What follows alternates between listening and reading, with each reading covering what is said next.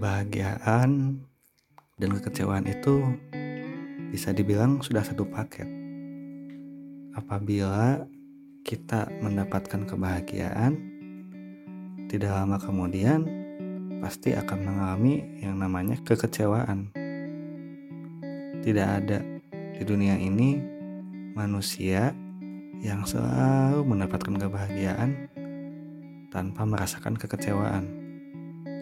Begitupun sebaliknya, tidak ada manusia yang selalu merasakan kekecewaan tanpa bisa mendapatkan kebahagiaan. Oh iya, kawan-kawan pasti sudah tahu kan, kalau hidup jangan terlalu berlebihan tentang apa pun. Nantinya bakal tidak baik hasilnya.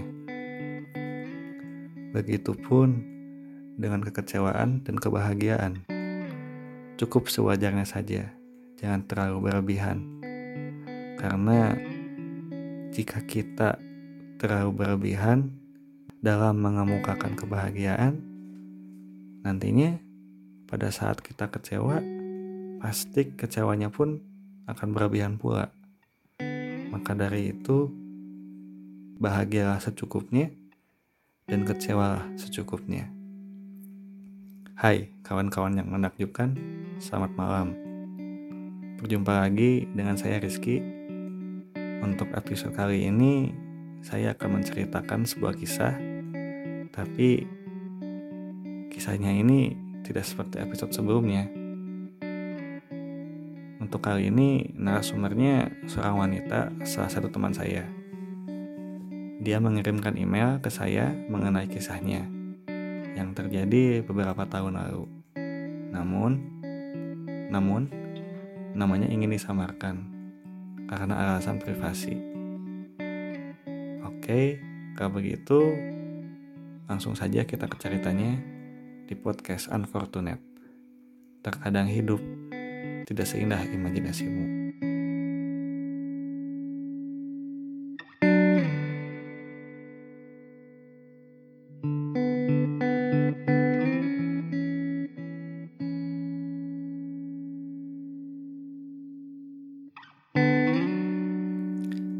Waktu itu saya bekerja di sebuah perusahaan retail besar di Bandung. Semua berjalan seperti biasa karena mungkin saya sudah dekat dengan teman-teman saya yang satu divisi maupun yang beda divisi. Ya, gak ada yang istimewa sih dari mereka. Semuanya pada konyol-konyol orangnya. Namun, mereka sudah saya anggap seperti keluarga. Suatu waktu di tempat saya bekerja ada sebuah event dan saya ditunjuk menjadi salah satu bagian dari event tersebut yang mengharuskan saya pindah dari divisi lama ke divisi yang baru. Di sana saya bertemu dengan orang-orang baru. Awalnya, saat pindah ke divisi lain, saya belum sepenuhnya betah. Jadi, kadang saat istirahat, saya mencari teman dari divisi yang sebelumnya. Tapi, lama-kelamaan, saya pun jadi akrab dengan divisi yang baru ini karena ternyata banyak yang seumuran dengan saya ataupun umurnya di bawah saya. Jadi ya senang banyak teman baru. Singkat cerita, ada beberapa karyawan yang usianya di bawah saya atau bisa dibilang junior. Mereka pada cari perhatian sama angkatan saya salah satu junior itu bernama Bunga. Dia cantik, putih, berhijab. Ya, masih imut-imutnya deh pokoknya. Para senior yang mayoritasnya cowok dibaperin sama dia, sama si bunga ini. Ya, melihat tampangnya bunga, para cowok senior ini mana tahan ya sampai akhirnya ada yang nyangkut sama si bunga ini. Namanya Isan. Bisa dibilang si Isan ini cowok terkece di antara para senior cowok lainnya. Tapi dasar bunga yang masih polos. Saat masa-masa PDKT, dia malah menceritakan semuanya ke kita. Jadi kan kita tahu bagaimana cara si Isan ini mendekati si bunga. Beberapa minggu berlalu, si bunga ini gak seperti biasanya. Dia yang biasanya selalu nyamperin kita untuk menceritakan tingkah laku si Isan, tetapi belakangan ini dia udah gak cerita lagi. Ya mungkin si Isannya nyerah untuk dapetin bunga atau mungkin ada alasan tertentu. Ya entahlah. Beberapa hari kemudian, saat kita beres meeting dan sedang asik-asiknya mengobrol sambil bercanda, tiba-tiba ada yang menutup mata saya dari belakang. Konyol sih sebenarnya, tapi bikin deg-degan juga. Seketika saat itu saya kaget. Langsung kuraba-raba tangannya dari ujung jari sampai pergelangan tangannya. Dan saya sontak bilang, Hi, kok tangannya berbulu? Teman-teman yang lainnya cuma bisa ketawa aja tanpa ada jawaban. Kemudian setelah itu, dilepaslah tangan dia dari mukaku. Dan ternyata bisa ditebak itu siapa? Ya, itu Isan. Saya sempat gak nyangka. Gak salah orang nih. Tapi jujur, sebenarnya saya sating juga. Sembari dalam hati saya bilang, ada apa dengan anak ini? Padahal dari awal kita kenal juga kita gak banyak ngobrol. Cuman sekedar say hai saja. Ya, saya juga sadar diri sama para didi-didi gemes yang lainnya. Saya kalah. Bingung gak sih? Gak begitu deket, tapi bercandanya seperti itu. Selepas itu, singkat cerita, event sebentar lagi akan beres. Dan kita, anak event, bakal dikembalikan ke divisi awalnya. Dari situ, si San ini lama-lama seperti yang berusaha mendekati saya. Ya, saya sih masih jaga jarak ya. Karena saya pikir dia masih ada hubungan sama bunga. Saat event berakhir, kita semakin dekat walaupun beda divisi tapi dia selalu nyempatin waktu untuk nemenin saya untuk istirahat ataupun sekedar nanyain kabar padahal tiap hari juga kita cetan sebenarnya lama kelamaan dia udah mulai kelihatan baiknya dan perhatiannya gak lama dari itu dia nembak saya dan saya pun terima. Dia orangnya nggak sweet sih, cuman dia selalu ada buat saya. Gak biarin saya bawa motor sendiri, pasti pulang pergi diantar dia, mengulang rute yang sama tiap harinya. Kita sering main, jalan, pokoknya ya dia berusaha banget buat ngebahagiain saya. Berlebihan sih tapi dia nggak pernah ngecewain saya. Ada aja caranya buat dia bisa bahagiain saya sampai-sampai dia berusaha sana-sini agar bisa pindah ke divisi yang sama dengan saya. Singkat cerita, suatu saat si Isan ini membuat kesalahan di kantor yang menurut saya permasalahannya ini sepele. Tapi karena memang sudah ada peraturan, jadi dia kena skors.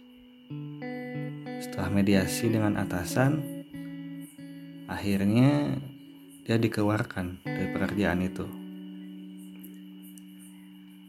Semenjak saat itu, sebenarnya tidak ada yang berubah dari dia. Bulan pertama, dia masih antar jemput saya kerja, main, jalan, dan yang lainnya berjalan normal seperti biasanya. Bulan kedua pun dia masih antar jemput saya. Namun waktu untuk main dan jalannya berkurang.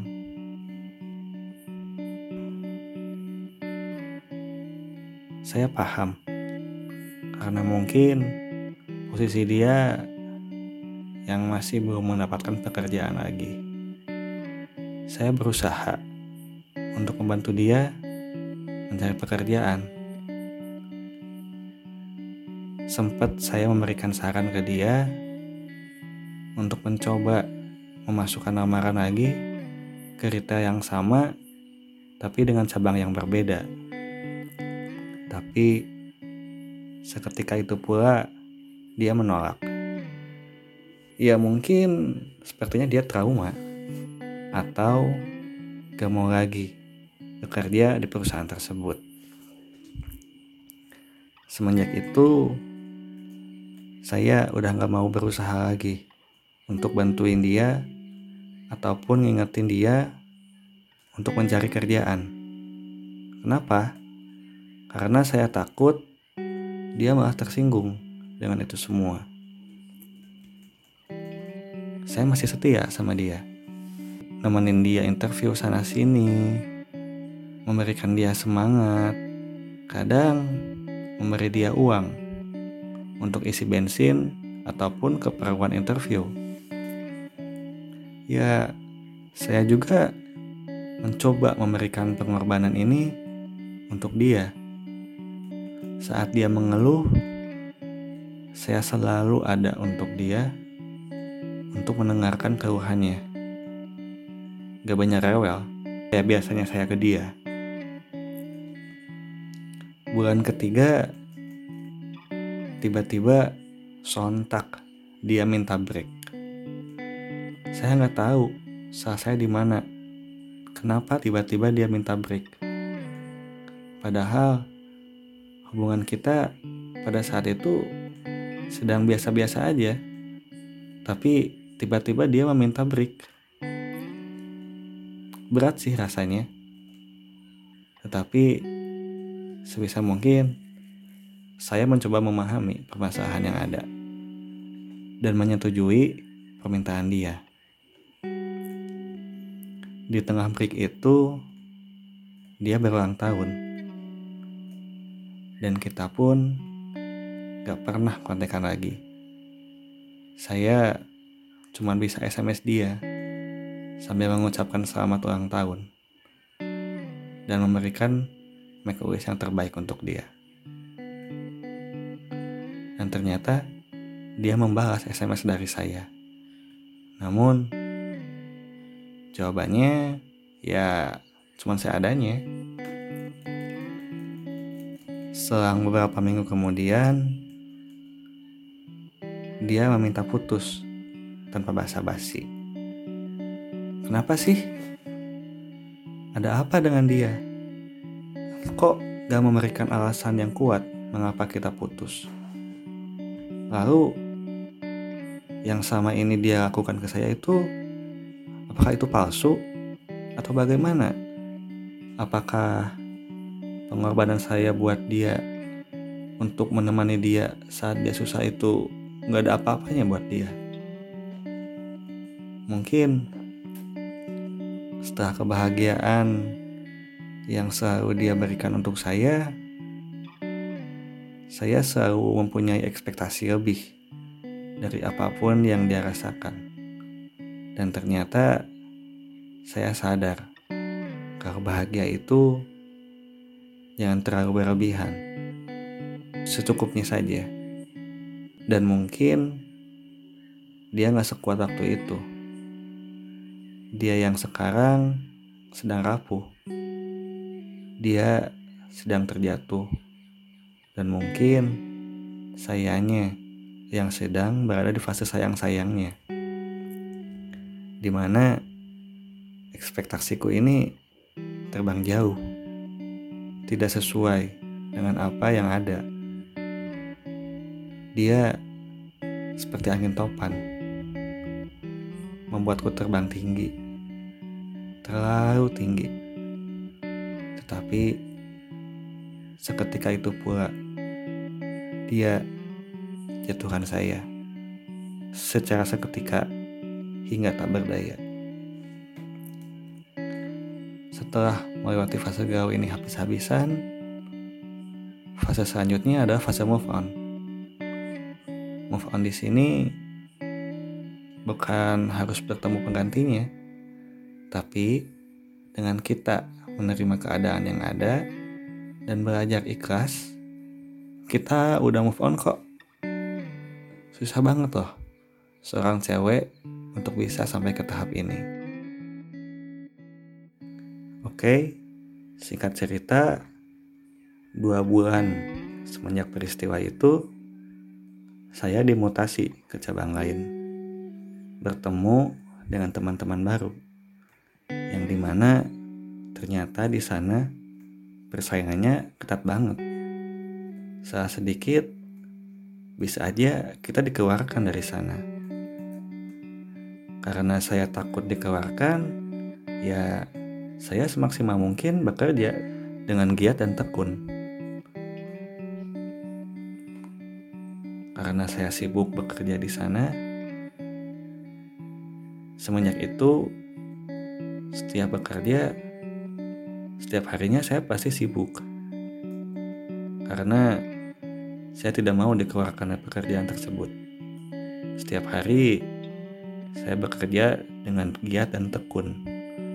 Sampai-sampai benar-benar lupa dengan permasalahan yang terjadi. Sempat ada yang ngedeketin. Tapi eh, ternyata dia bajingan. Suatu saat di siang hari, saking sibuknya di kantor, Gak sadar, saya mendapat SMS dari nomor baru yang tidak dikenal. Dan baru saya bisa cek di sore harinya. Dan ternyata SMS itu dari Isan. Dia bilang dia ingin ketemu.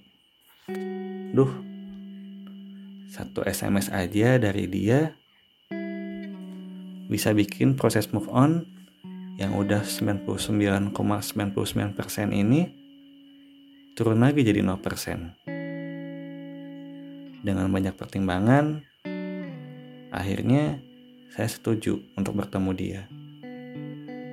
Dan akhirnya kita bertemu di taman. Di sana kita hanya ngobrol-ngobrol saja. Dan tiba-tiba dia meminta maaf ke saya dan ingin balikan ke saya. Dengan spontan, saya menolaknya. Bukan udah gak sayang lagi, tapi saya udah sembuh dari luka saya sendiri yang telah dia buat.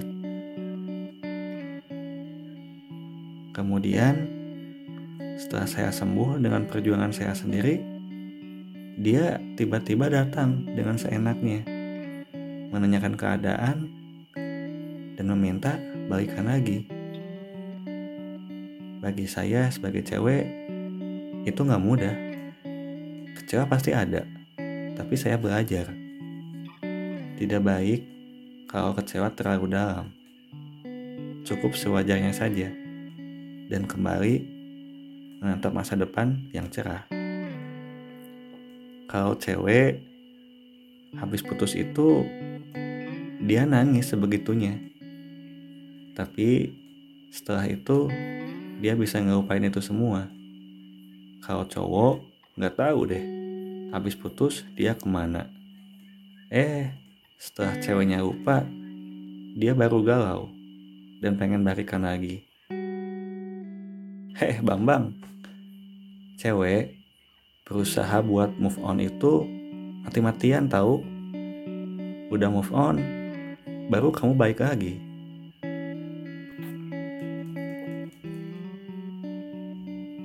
Terakhir, untuk kamu, saya mendoakan yang terbaik kok. Terima kasih untuk nunjukin kebahagiaan dengan cara kamu. Dan makasih juga buat dukanya. Karena dari situ saya belajar. Bahagia secukupnya dan kecewa secukupnya. Begitu ceritanya kawan-kawan. Jadi intinya kita jangan terlalu berlebihan untuk menyikapi sesuatu. Baik itu hal yang baik ataupun hal yang buruk. Ya sewajarnya saja. Agar kita bisa mengatur emosi kita. Agar tidak terlalu berlebihan yang bisa menyebabkan stres. Oke kawan-kawan, mungkin cukup sekian untuk podcast kali ini. Sampai jumpa di podcast saya selanjutnya. Dan sebagai kata penutup, seperti biasa, ada quotes dari saya. Untuk kamu yang saat ini sedang merasakan sakit di hati, terus jaga kesehatanmu, tetap mengagumkan, dan jangan lupa tersenyum. Saya Rizky, see you.